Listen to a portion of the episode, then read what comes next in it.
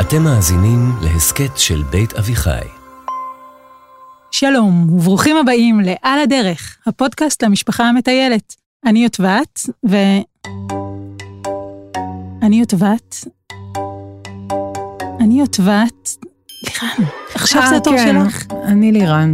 אה, כן? מה זה? מה קרה? מה? מה? ואני לירן? מה נסגר? איפה לירן הדברנית, מלאת האנרגיה? זאתי שאני מכירה. האמת שאני קצת מבואסת. מה הבעיה? כי בכל הפודקאסטים שלנו תמיד אנחנו מספרות את הסיפורים שמאחורי הטיולים, ותמיד יש שם דמויות גדולות מהחיים, מלכים, נביאות ואנשים מובילים ומדהימים כאלה. אוקיי, ומה הבעיה בזה? מה הבעיה? את רצינית? הבעיה שהם כאלה מוצלחים וכאלה אמיצים, וזה קצת הכניס אותי לדיכאון, שבגלל שאני פחדנית כזאת ולא, את יודעת, גיבורה. אז חשבתי שאם אני הייתי חיה בתקופת התנ"ך, בחיים לא הייתי נבחרת להנהיג או לבצע איזה משימה. סתם הייתי נשארת לירן הפחדנית, ופחדניות אף פעם לא יוכלו לככב כאן. אז זהו, שלא. מה זאת אומרת? כי היום בפודקאסט שלנו נספר על סיפור שכאילו נלקח מסרט. אדם פחדן שחושש מהצל של עצמו, והופך למציל הלאומי. די, נו, את רצינית? לגמרי. אז לכל אלו שכבר ויתרו לעצמם ואמרו לעצמם שהם אף פעם לא יהיו מנהיגים, כל החששנים והחששניות, הפחדנים והפחדניות, ובכלל לכל האנטי גיבורים, הפרק הזה מוקדש לכם. יאללה, פתיח ונתחיל? על הדרך, הפודקאסט למשפחה המטיילת, עם לירן ליפשיץ ויוטבת פייר אייזנווייל.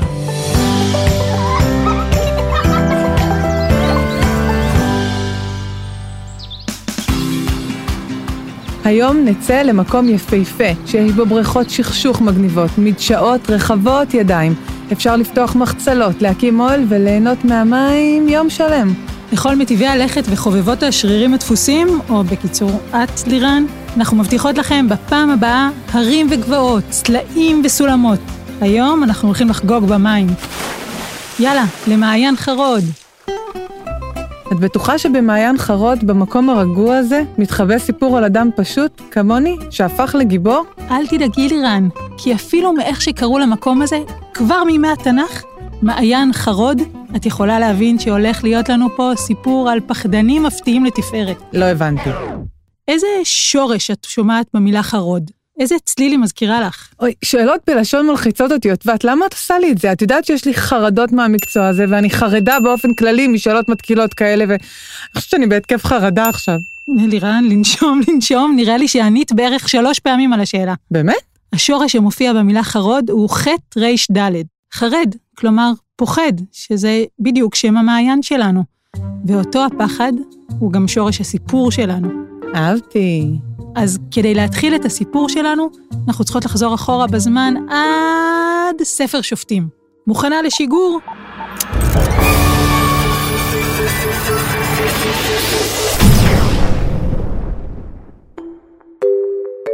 ברוכה הבאה לתקופת השופטים. תכירי את גדעון. היי גדעון, נעים מאוד, לירן, מנחת פודקאסטים, פחדנית ואם בישראל. מעולה, בדיוק גם גדעון, גיבור הסיפור שלנו, מתגאה בתיאור די דומה לשלך. חקלאי, פחדן, ואו-טו-טו גם אב בישראל. בקיצור, גדעון שלנו חי באזור מעיין חרוד, והוא תכנן את חייו הנוחים והשקטים בתור חקלאי פשוט. אבל לצערו הדבר ממש לא התאפשר, בגלל המדיינים ששלטו בארץ באותה התקופה. או, אני זוכרת שהמורה דרורה לימדה שהמדיינים היו איומים ומפחידים. אומרים שהם הסתובבו עם נזם ענקי באף וחרב עוד יותר ענקית בחגורה. לא יודעת לגבי הטעם שלהם בתכשיטים, אבל המדיינים עבדו בלהפחיד את עם ישראל עוד מאז שחטפו את יוסף בכותונת הפסים. גם כן קריירה. אז הסיפור שלנו מתחיל לאחר שבע שנים, שבהם המדיינים, חסרי הרחמים, שולטים, מציקים ומאמללים את חיי בני ישראל השבורים. בני ישראל מגדלים תבואה, המדיינים גונבים ובוזזים אותה. משאירים אותם בלי כלום. ומה בני ישראל עושים שהם ממש, אבל ממש מבואסים? מקטרים אחד לשני, מעלים סטורי, התבכיינות, התמסכנות, ואז בסוף כשכלום לא עוזר, פונים לאלוהים. לא סגורה על הסטורי, אבל הם בהחלט פנו לאלוהים. רגע, מה עם גדעון? איפה הוא בינתיים? גדעון בזמן הזה מפחד ומתחבא בבית, או מקסימום בגת, עם כל הענבים. הוא לא יוצא החוצה, רק לא להיתקל במדיינים. האמת, מהלך הגיוני, מי רוצה להיתקל במדיינים האלו? אני לא רוצה לעשות ספוילרים, אבל גדעון עוד הולך לעבור חתיכת מסע. וואה. הוא שולח מלאך שלא סתם מתגלה לגדעון לשיחת שלום שלום, אלא אומר לגדעון שהוא יהיה זה שיציל את ישראל מהמדיינים. את לא רצינית. רצינית ורעמסס. וואו, רגע, אבל אם גדעון ככה מסכים בשנייה, אז הוא לא כזה פחדן, אני בחיים לא הייתי מסכימה. האמת שגם גדעון מנסה להתחמק מזה בכל צורה. הוא מחפש כל תירוץ כדי לברוח מהמשימה. הוא אומר שהוא הצעיר במשפחה, הוא אומר שהוא משתייך לפשוטי העם, שבכלל אין מצב שאלוהים מדבר איתו. בטוח הוא יתבלבל בינו לבין מישהו אחר, אמיץ יותר, אבל כלום לא עוזר. אלוהים מתעקש.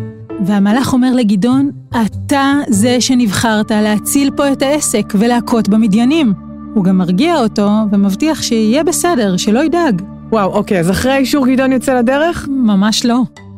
לא. לא, הוא מבקש מאלוהים עוד אישור ועוד הוכחה, ואז עוד אחד. וואי, חתיכת פחדן האמיץ הזה, כלומר, אה, חתיכת אמיץ הפחדן, כלומר, אני מתבלבלת. זה בסדר, כי בסיפור שלנו הקו בין אומץ לפחדנות, או בין ניצחון להפסד, דק מאוד. נו, נו, תמשיכי. מתי גדעון מקבל כוחות סופר-על? הוא לא בדיוק מקבל כוחות, לירן, אבל הוא מקבל שכל. אחרי שהוא מבין שיש גבול לכמה סימנים כבר אפשר לבקש מאלוהים, הוא מבין שאין לו ברירה ושהוא חייב לצאת למלחמה. אחרי כל הוויכוחים האלו שלו, אני מבינה שלמרות הפחד, בכל זאת יש בו גם מידה מסוימת של תחמנות וחוצפה. או, בדיוק בגלל התכונות האלה, גדעון הוא האיש שנבחר למשימה. את מכירה את המשפט שכל קצין וקצינה בצה"ל לומדים? בתחבולות תעשה לך מלחמה. ברור. אז זו בדיוק הגישה של גדעון למלחמה נגד המדיינים. אוקיי, אהבתי, אז מה התחבולה? שנייה, סבלנות. לפני שנגיע לתחבולות, אני רוצה שנייה לתאר לך את האזור. מה ככה? באמצע המתח? אל תדאגי, זה קצר ועוזר כדי להבין את שדה הקרב.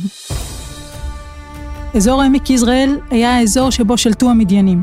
הוא נחשב אז לאזור מאוד מאוד מבוקש. הקרקע שם נפלאה, המים המתוקים זורמים מההרים ישירות לצמחייה, והתבואה צומחת בשפע. בגלל זה היה מאוד כדאי לגור בו. באמת? עמק יזרעאל היה אזור שרבו עליו. לא רחוק מכאן יש את אה, מגידו, שהייתה צומת דרכים חשובה מאוד במזרח התיכון, והפכה לאזורי קרבות. היום זה נראה לנו עמק פסטורלי, אבל לא תאמיני מי נלחם כאן.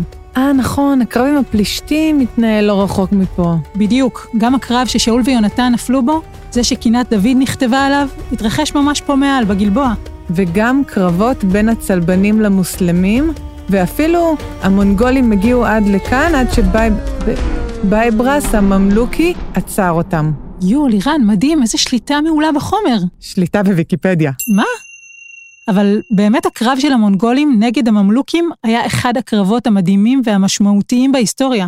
הוא התרחש ממש כאן, במעיין חרוד. אז בתור אחת ששוחה באינטרנט, מה מאפיין את השטח של העמק? בגדול שהוא שטוח ומישורי, אבל מה נסגר עם המדיינים וגדעון? המדיינים יושבים בגבעת המורה, הצמודה לעמק. זו הגבעה ששולטת על כל האזור. זאת אומרת שיש להם יופי של תצפית מלמעלה, ככה שברגע שיבוא איזה צבא גדול, הם מיד יזהו שהוא מתקרב ויתכוננו. ומשטח גבוה יותר הם יצאו להתקפה ויחסלו אותו מיד. בשפה צבאית קוראים לזה שטח אסטרטגי. אוקיי, הבנתי. העמק הוא אזור מושלם לגדל חיטה ושאר חקלאות. יש את גבעת המורה ששולטת על האזור, והמדיינים יושבים שם ויקראו כל צבא גדול שיתקרב אליהם. אפשר לחזור לגדעון? אז כמו שאמרנו קודם, גדעון בדרך למלחמה, אבל אין לו שום מושג איך הוא הולך לנצח את המדיינים. הם שולטים על כל האזור. איך לנצח אותם? ברור. הוא צריך שיהיו לו כמה שיותר לוחמים, שכל העם יבוא, ושכל מי שיכולים להחזיק כלי נשק, יצאו להילחם בקרב ולשחרר את שלטון המדיינים. האמת שבדיוק, אבל בדיוק להפך. מה? אלוהים אומר לגדעון שממש לא כל אחד צריך לצאת לקרב הזה, שצריך לצאת לקרב הזה רק עם מי שמתאים. הוא מסביר לו איך לעשות את הסינון כדי לגלות עם מי לצאת. הבנתי. הוא עושה אודישנים. הוא רוצה לבחור את הטובים ביותר. אוקיי, מה שלב ההדחה הראשון? כל הלוחמים מתייצבים על הגלבוע, מוכנים לפקודת הקרב של גדעון, ואז הוא מפתיע אותם ואומר להם, שימי לב, כל מי שמפחד, שילך הביתה. למה הוא שואל אותם מי מפחד לבוא לקרב? ברור שכולם מפחדים. צודקת, ובאמת מתוך 32 אלף לוחמים שהתייצבו, הרוב, כמוך, הם מפחדים. הם קופצים על ההזדמנות והולכים חזרה הביתה. מה זה הולכים? בורחים. גדעון נשאר רק עם עשרת אלפים לוחמים. אוקיי, אז הוא לוקח את החצי האמיץ ויוצא להילחם? רגע, יש עוד שלב. נו מה, הוא בסוף יישאר בלי אנשים. בשלב הבא, באודישנים, הוא עוד יותר מפתיע. הוא אומר לעשרת אלפים שנשארו, לעצור רגע ולשתות מים מהמעיין. את יודעת, זה לא קשור למיון כבר, פשוט כל כך חם פה, אם לא המעיינות האלה, זה תנאי מדבר. זה כמעט המעיין היחיד של המים המתוקים בסביבה. באמת חם, אבל ככה הוא סינן את הלוחמים. הוא מעביר אותם את מבחן המים.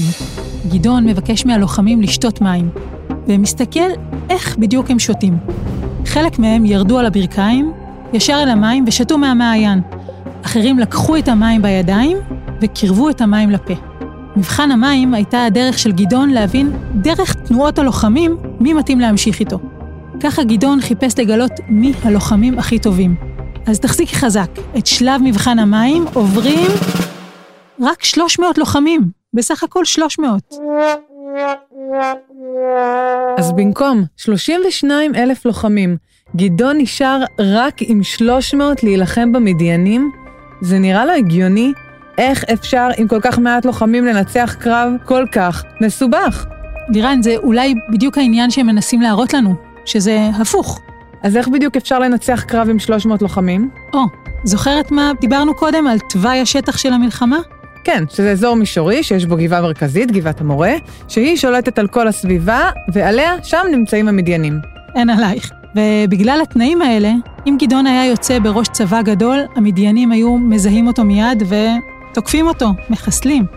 לכן גדעון דווקא אסף כוח קטן, ועכשיו הוא שובר את הראש איך לבלבל את האויב. איך הוא בדיוק מבלבל אותם? בשלב הראשון הוא יוצא בלילה, כמעט לבדו, להציץ אל מחנה מדיין ולאסוף מודיעין, מידע, על כל מה שהולך שם, כדי להגיע מוכן.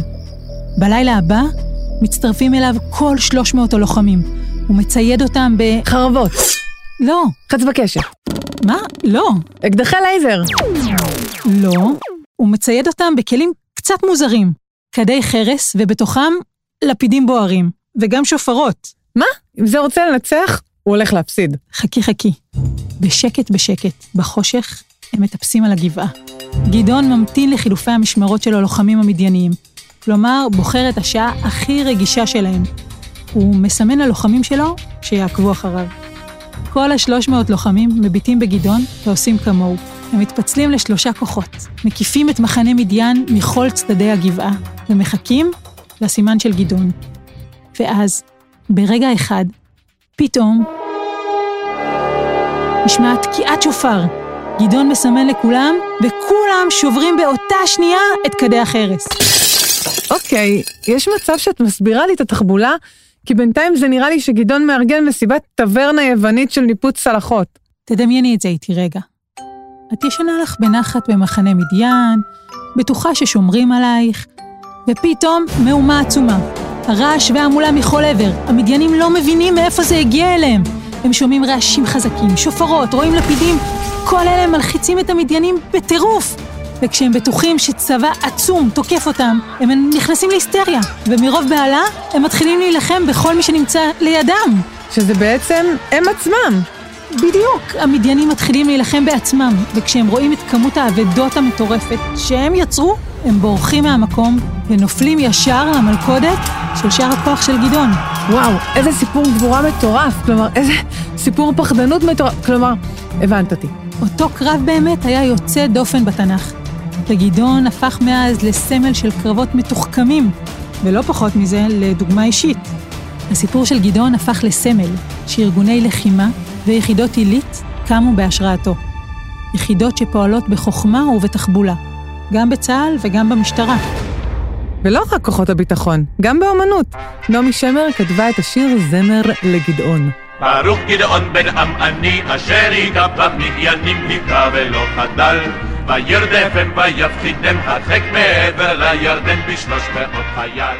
הסיפור של גדעון מלמד אותנו לא רק על דוגמה אישית, אלא גם עוד לקחים. למשל שבכל אחד מאיתנו יכול להיות כישרון חבוי. אהבתי. את לא מבינה כמה כישרונות חבויים יש בי. וגם מים שקטים חודרים עמוק, כלומר, לא צריך לעשות הרבה רעש כדי להוביל, ממש אהבתי, את לא מבינה כמה אני מנהיגה שקטה. ושלפעמים עדיף לנצח בכוח המוח ולא בכוח הזרוע. בול אני, את לא מבינה כמה אני חלשה בזרועות. אין, תקשיבי, הפרק הזה ממש נכתב בשבילי. את יודעת, בכלל כל השיחה שלנו הדגישה לי שהמילה פחדן סתם תפסה דימוי שלילי. לפעמים דווקא לחשוש קצת, או לפעול בצורה מושכלת אחרי מחשבה, זה מהלך הרבה הרבה הרבה יותר חכם ומנצח. תכלס. כי אם גדעון פעל ככה, אולי שווה ללמוד ממנו. באמת כל האזור נתן כבוד גדול לגדעון, גם אחרי הרבה שנים. תחשבי למשל על היישוב גדעונה, שנמצא ממש בסמוך למעיין, ועל זה שבעצם בערים רבות בישראל יש רחוב גדעון, ואם אתם או חברים שלכם גרים ברחוב הזה, עכשיו אתם כבר יודעים על מי מדובר. והמערה, שנמצאת ממש באמצע הגן הלאומי, נקראת מערת גדעון. ממנה נובע המעיין במקום. מערה חלום. חלום ושברו. למה ככה? למה ככה להוריד? הביטוי הזה הוא בדיוק מהסיפור שלנו, הסיפור של גדעון. זוכרת שאמרנו שערב לפני הקרב הוא התגנב לראות מה קורה במחנה מדיין? כן. אז שם הוא מצוטט לאוהל של המדיינים, ושומע מדייני אחד שמספר לחבר שלו על איזה חלום מוזר שהוא חלם. על משהו, חרסים נשברים ובלגן, דברים לא ברורים. החבר שלו פוטר אותו ומפרש לו ואומר שהמדיינים הולכים להפסיד. גדעון, שמצוטט, שומע את החלום ושברו. זאת אומרת, את החלום ואת הפתרון שלו. שימי לב, היום כשאנחנו אומרים החלום ושברו, אנחנו לא מתכוונים לחלום ולפתרון של חלום, אלא לחלום ולהתנפצות של החלום, כמו הקדים שגדעון ניפץ. יודעת, גם לי יש פה החלום ושברו. הבטחת לי מעיין בכיף, שעה כבר עדיין לא נכנסנו למים. אומרים שהמעיין הזה הוא בדיוק המקום שגדעון עשה ללוחמים שלו את מבחן המים. אז כשנגיע, וגם כשאתם תגיעו למעיין, תצלמו לנו אתכם עושים את מבחן המים. תעדכנו אותנו מי מהמשפחה יתקבל מיד לצוות הגדעוניות החדשות, שאנחנו עוד רגע מקימות. תהיו איתנו בקשר. נתאר עוד קצת על המקום. מהמערה מתהלכים בתוך או לצד פלג צלול, איך שתבחרו, עד שמגיעים לבריכת שכשוך גדולה ולעוד בריכות שכשוך מהנות לכל הגילאים. כמעט כל מקום בפארק נמצא קרוב למים, זה פשוט מושלם. חשוב לדעת שהכניסה למעיין חרוד כרוכה בתשלום, ומומלץ להזמין מקום מראש. מעבר לשכשוך ולהתרעננות בשמורה, מומלץ גם להכיר את סיפורם המרתק של יהושע ואולגה חנקין. איזה זוג מיוחד הם היו, אולגה ויהושע, גואלי האדמות. זוג שהשקיע את כל הכוחות והמשאבים שלהם בהגשמת החלום שתהיה לנו מדינה. הם קנו מעל ל-600 אלף דונם של אדמות ברחבי הארץ. הם שינו גם את פני העמק ויצרו בו התיישבות וחקלאות. זה פשוט מדהים. ואם קודם היטבת לספר שעבור אדמות נלחמים, יהושע חנקין אמר בדיוק, ובכן, ההפך. אדמות לא כובשים, אדמות קונים. ולא סתם קונים, אלא זורעים, קוצרים ומקימים ובונים. מומלץ ממש לבקר במוזיאון בית חנקין שנמצא בגן לאומי עצמו, ממש מעל מעיין חרוד, שם תוכלו ללמוד עוד על הזוג המופלא הזה שהקדיש את חייו למען ההתיישבות בארץ. שימו לב שבמטבח הבית שלהם נמצא ארון תבלינים מלא בבקבוקים שמסמלים את כל המקומות בארץ שנבנו בזכותם. תנסו לספור כמה מתוך היישובים האלה שיוקמו בזכות יהושע ואולגה אתם מכירים. אמנם הפעם באנו לנוח ולהתפנק במים, אבל אלו שרוצים להעשיר את הביקור, יש בסביבה הקרובה עוד שני אתרים שאפשר לבקר בהם ללא תשלום.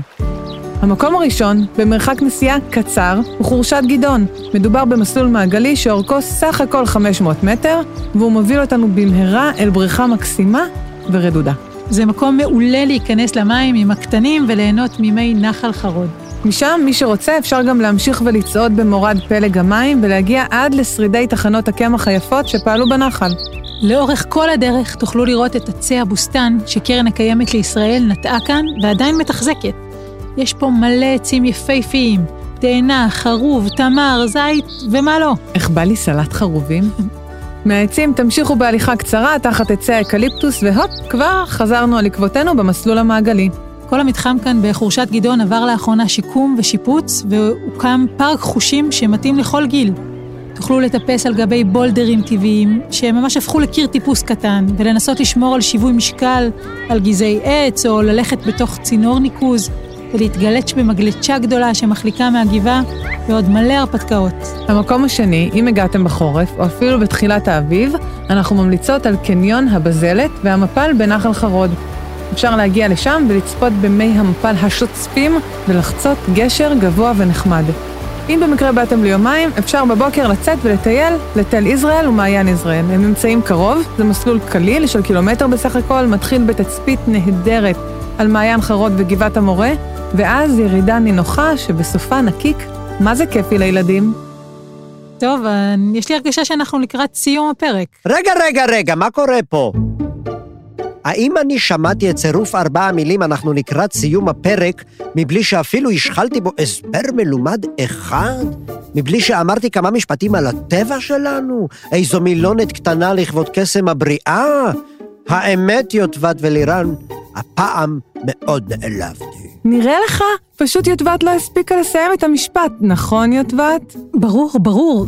התכוונתי להגיד, אז יש לי הרגשה שאנחנו לקראת סיום הפרק, ולכן אנחנו חייבות להזמין את אפרים, הפקח מספר אחת בשמורה, ובמדינה. בום צ'קלקה בום בום. או, כעת נרגעתי ואפילו הוחמאתי. אנחנו שמחות. אז אפרים, הפקח של ילדי בית העץ, כאן חינוכית, על מה תרצה לדבר הפעם? ובכן, יוטבת ולירן היקרות, כיוון שהיום אנחנו מבקרים במעיין חרוד, אני חשבתי להרחיב ולפקוח את עיניכן על מעיינות. האם אתן מעוניינות לשמוע הרחבה בנושא? אתן לכם רמז, התשובה היא כן, בוודאי, אפרים, נשמח. כן, בוודאי אפרים, נשמח. או, הפתעה נעימה שנייה ברציפות, תאמינו לי, כיף לבוא להסכת שלכם.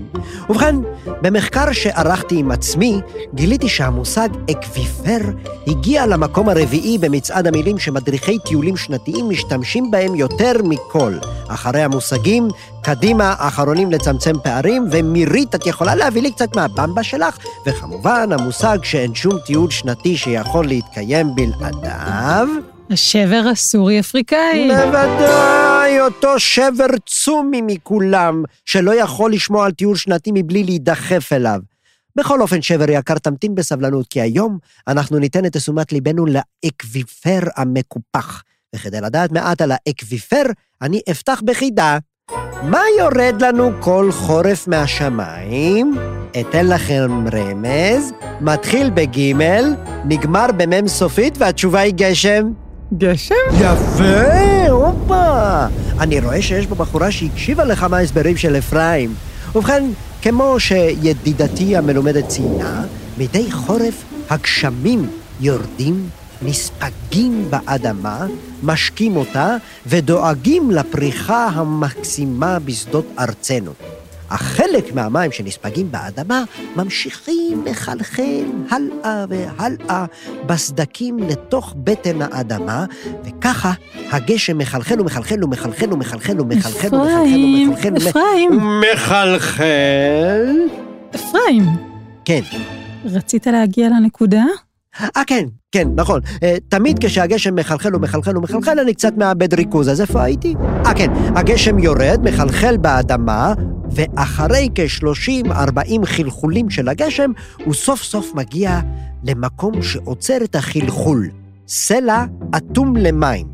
בשכבת הסלע הזו למעשה, מי הגשמים נעצרים ויוצרים מאגר מי תהום תת-קרקעי, או בשמו המשגע, אקוויפר! אקוויפר. אבל ידידותיי המלומדות, המים לא נעצרים כאן.